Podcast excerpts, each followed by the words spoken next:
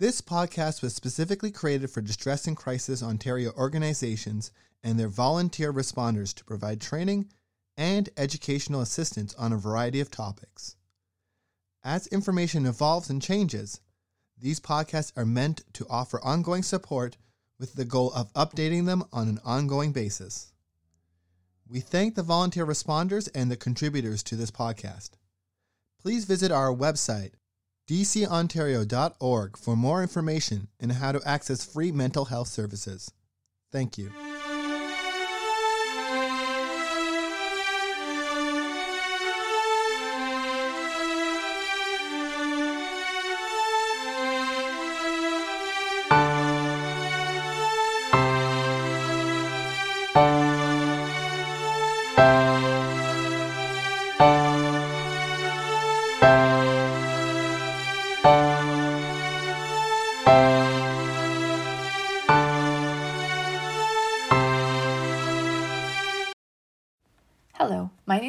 Plant, and I am the Program Manager at Distress and Crisis Ontario.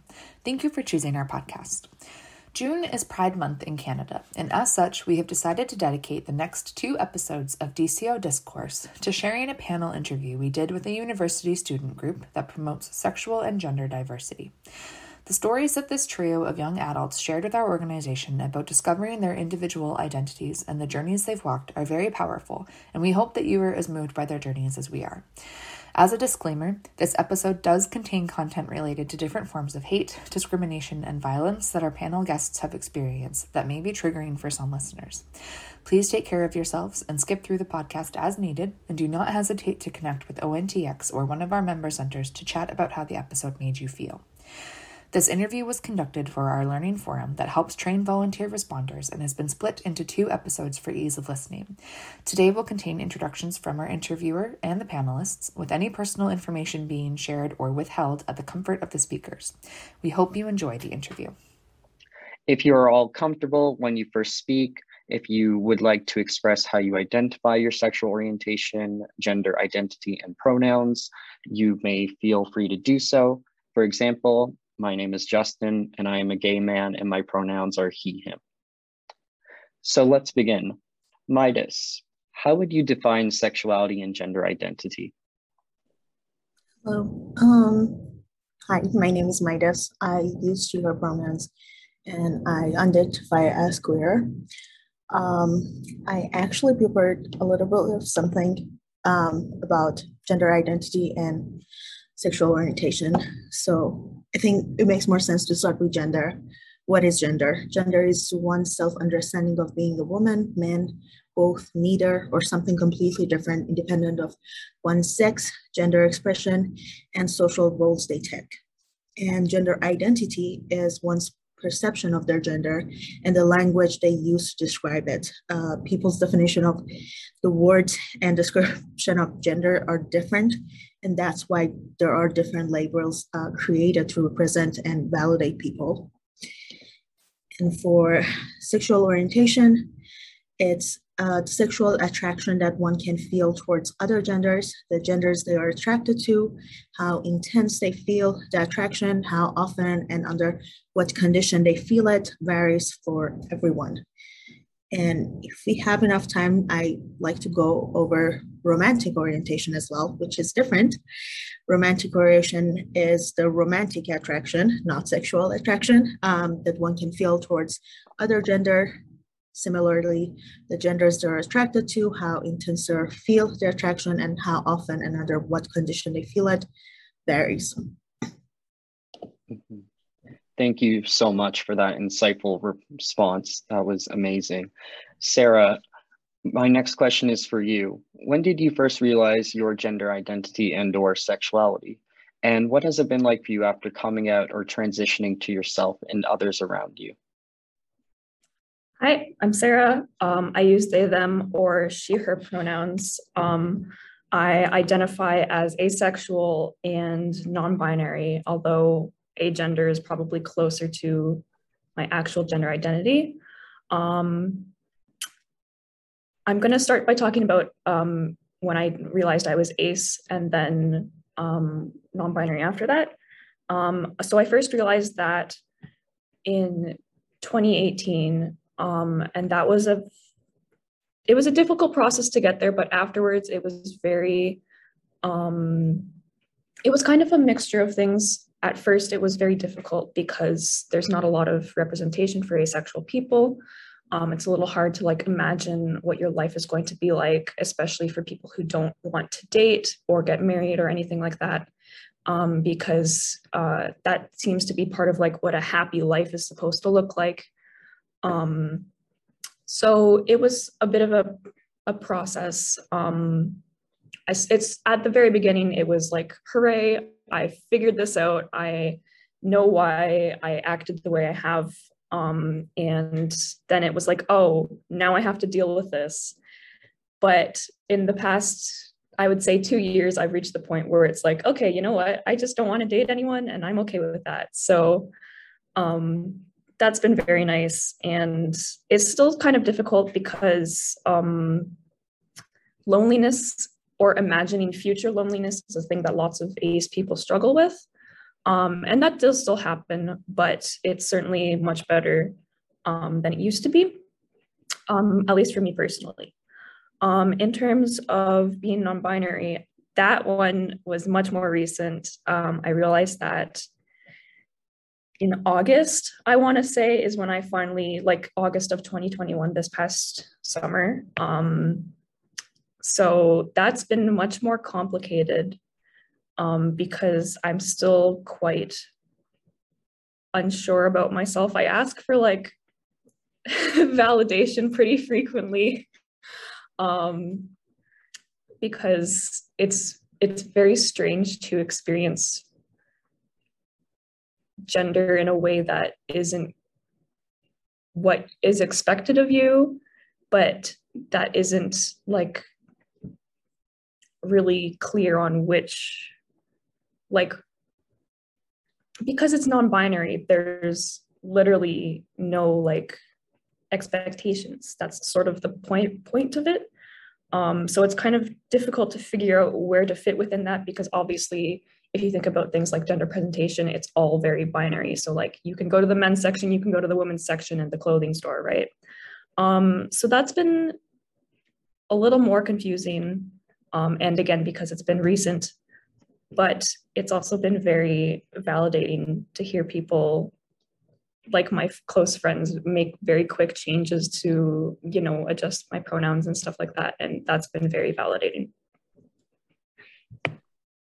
Thank you so much for that insightful reply. Sam, my question for you is were you aware of what sexuality and or gender identity was before you discovered your own sexuality and or gender identity? I was but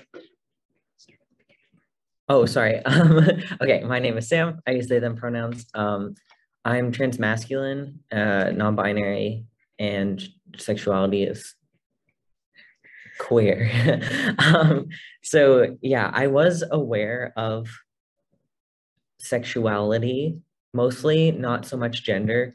Um, but what what pushed me to come out was meeting someone who is non-binary and then being like, oh my goodness, this person's feelings like encompass everything that I've been feeling for like my entire life.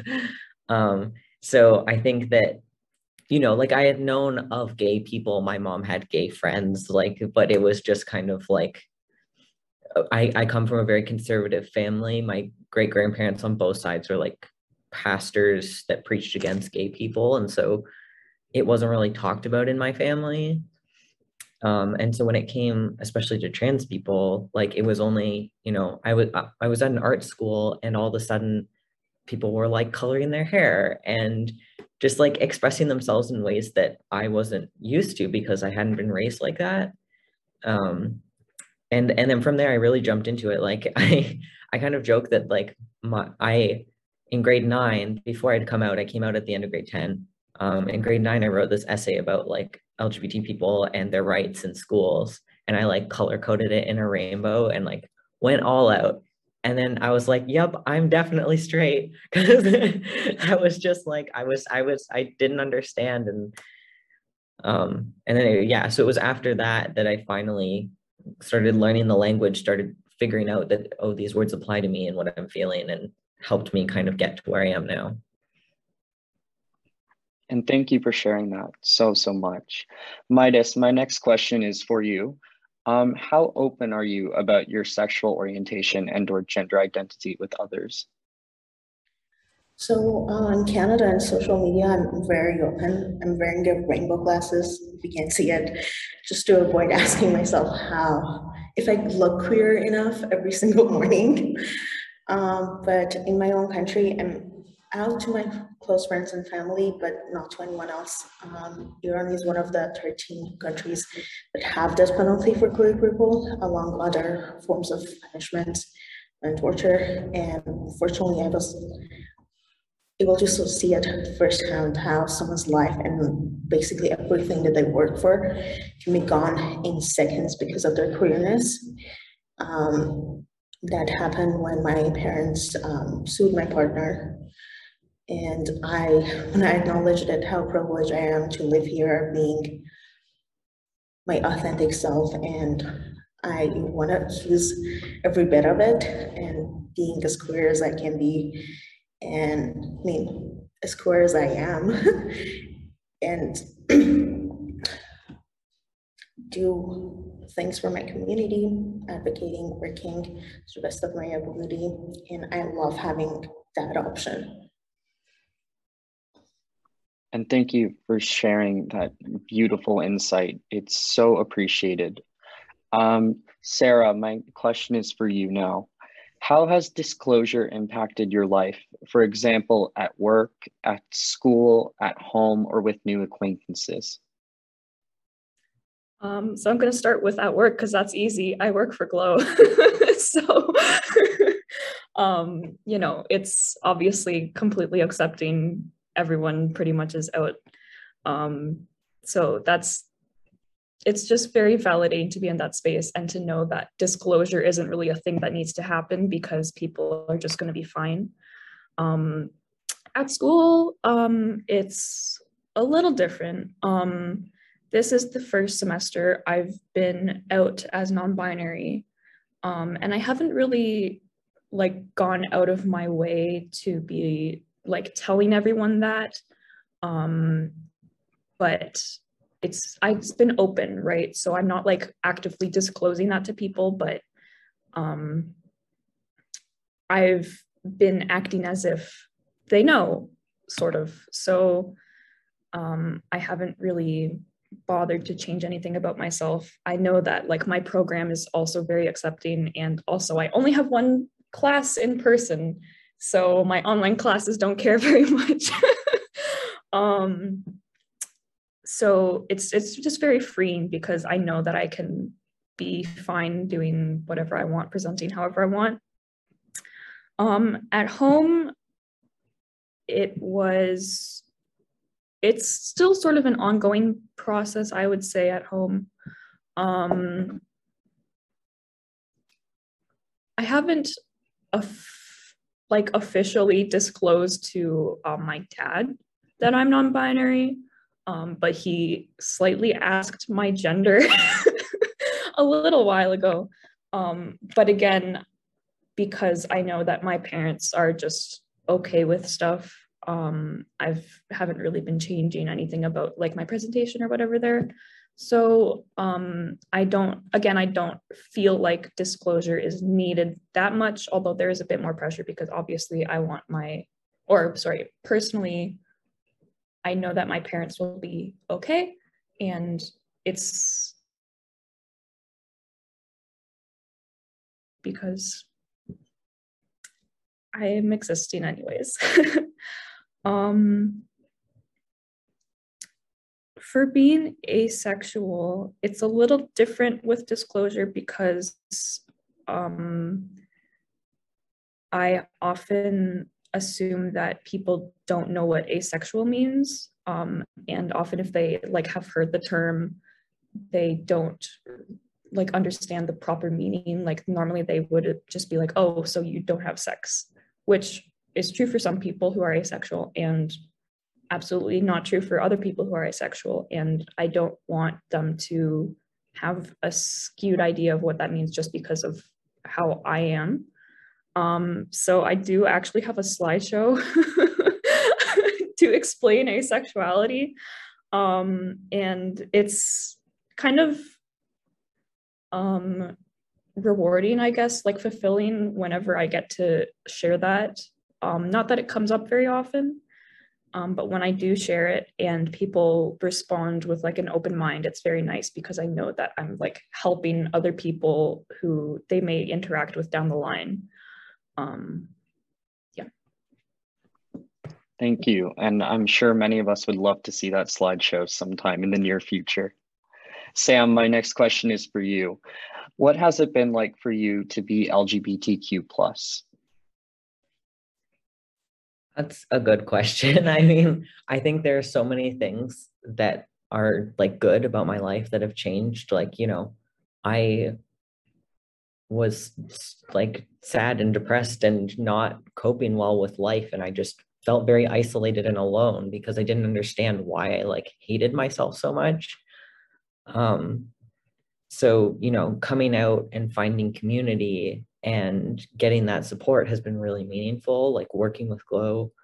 Um, I was the head of the Rainbow Alliance in my high school. I've done a lot of advocacy work on Parliament because I'm from Ottawa. Um, founded a trans youth group. All of those things, like to me, community is above all, and that's what's really important to me, and that's what it really I guess means. Um, it's been really hard with my family. They've not been the best. Um, I don't talk to one of my uncles anymore. Um, you know, I I came out when my um, last living grandparent had died, and so like I didn't need to deal with that, but I know I wouldn't have been accepted.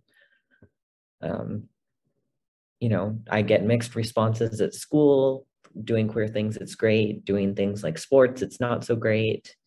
Um, sometimes I'll be taking uh, like a regular class and it'll be fine, or I'll take like a gender specific class and get very problematic teachings.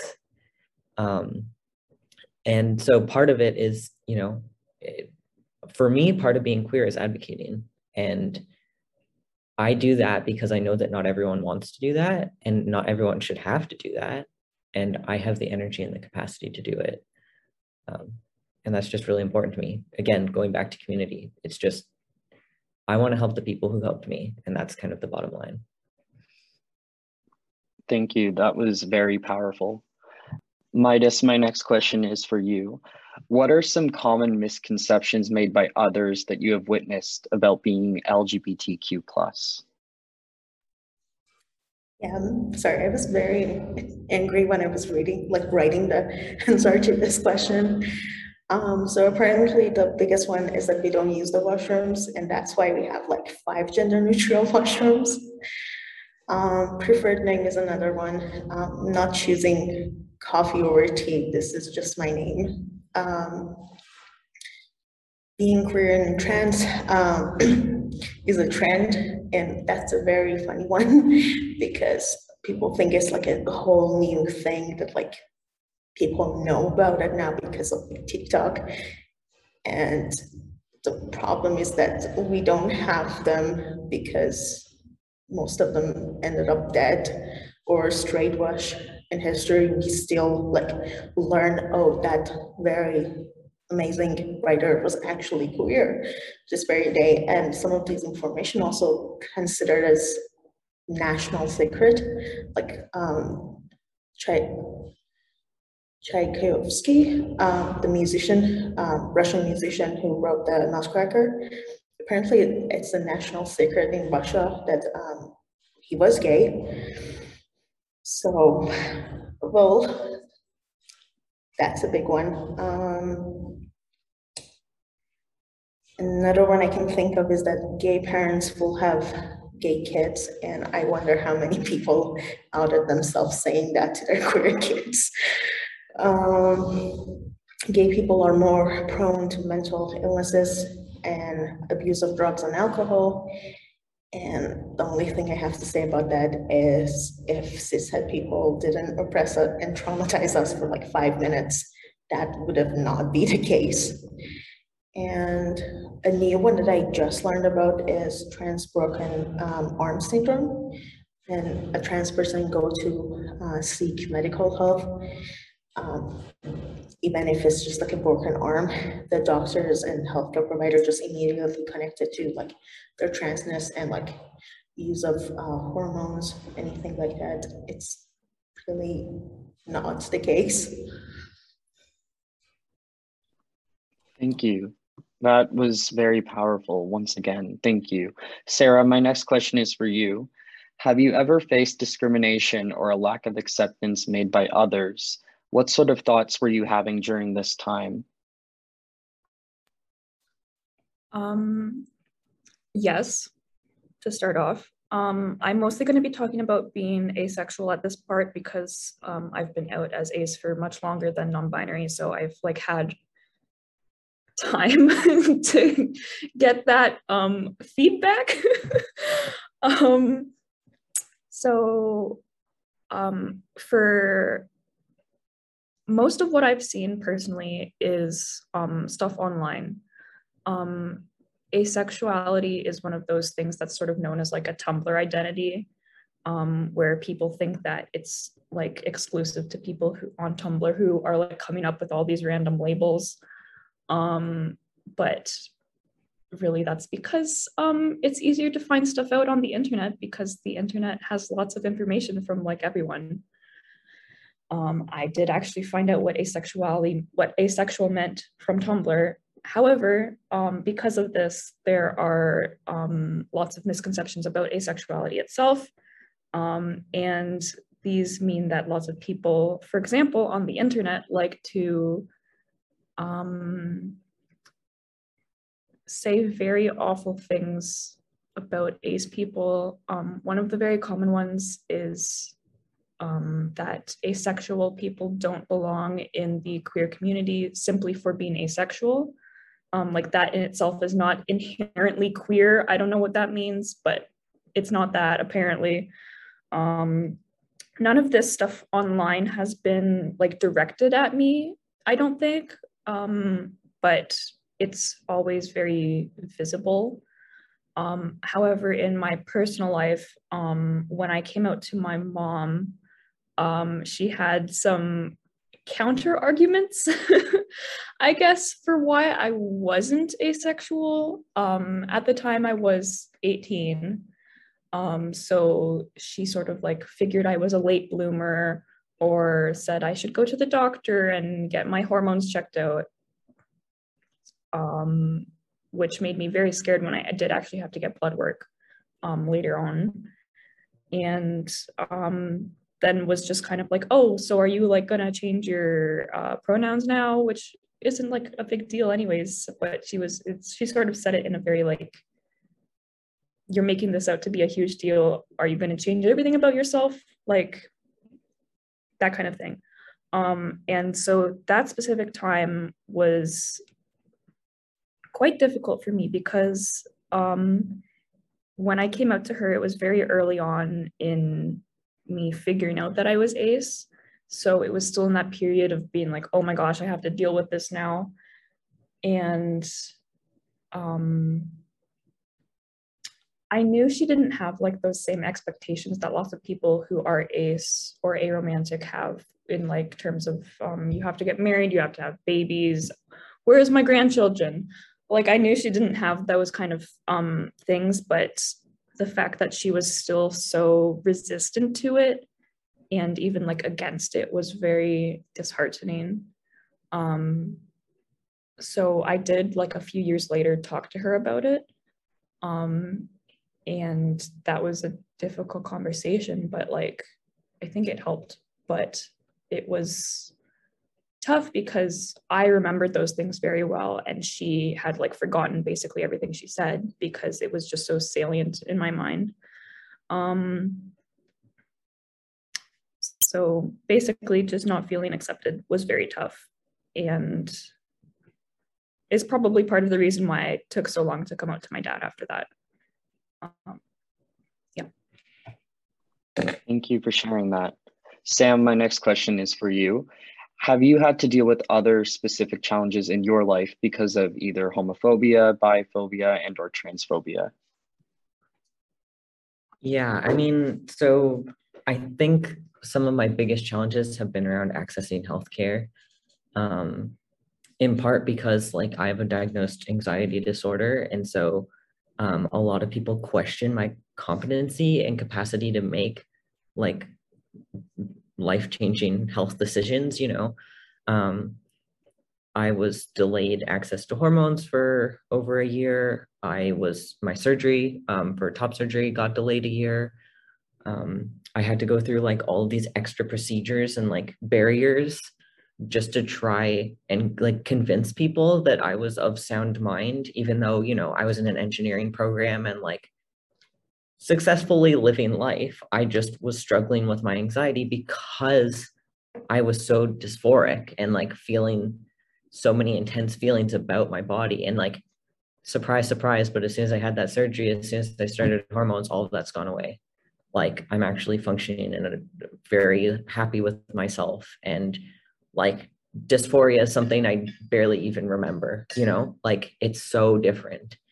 Um, so I think that has been a big thing. Um, like I mentioned, playing sports, like I wanted to play on the boys volleyball team. Um, at that point, I hadn't started hormones because I couldn't get access to them and I was harassed and people didn't consider me a member of the team, even though I tried out and made it just like everyone else, you know?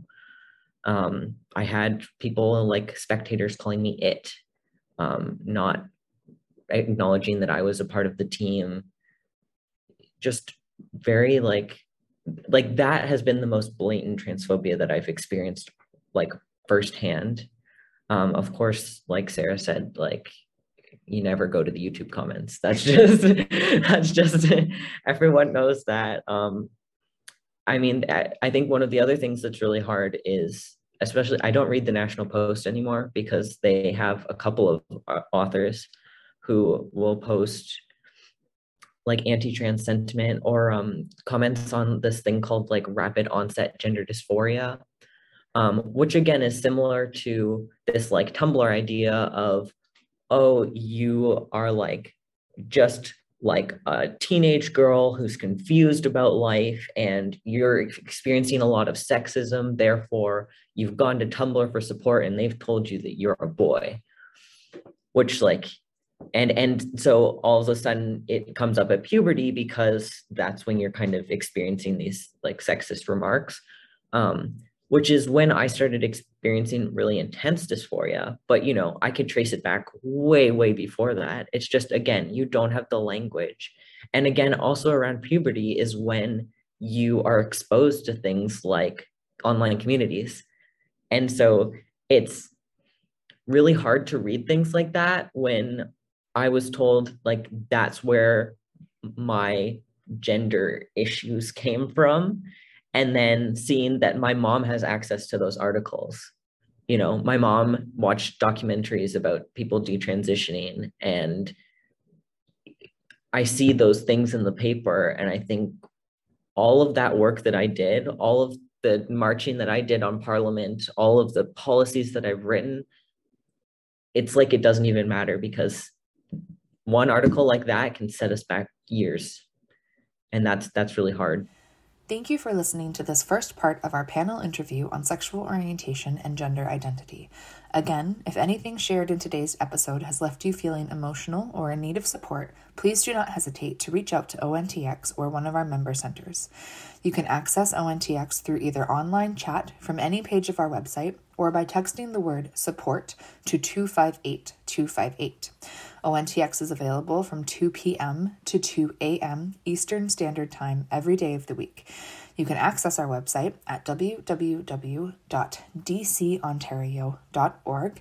And if you visit our locations page, dcontario.org forward slash locations, you will be able to find your nearest member center. If you have any feedback for us about this or any episode of our podcast, please fill out our feedback form shared in the episode show notes. You can access the notes by clicking or tapping on the title of this episode on whatever your listening platform is. Thank you for listening. We hope you will join us again next week for part two of this panel interview. Take care.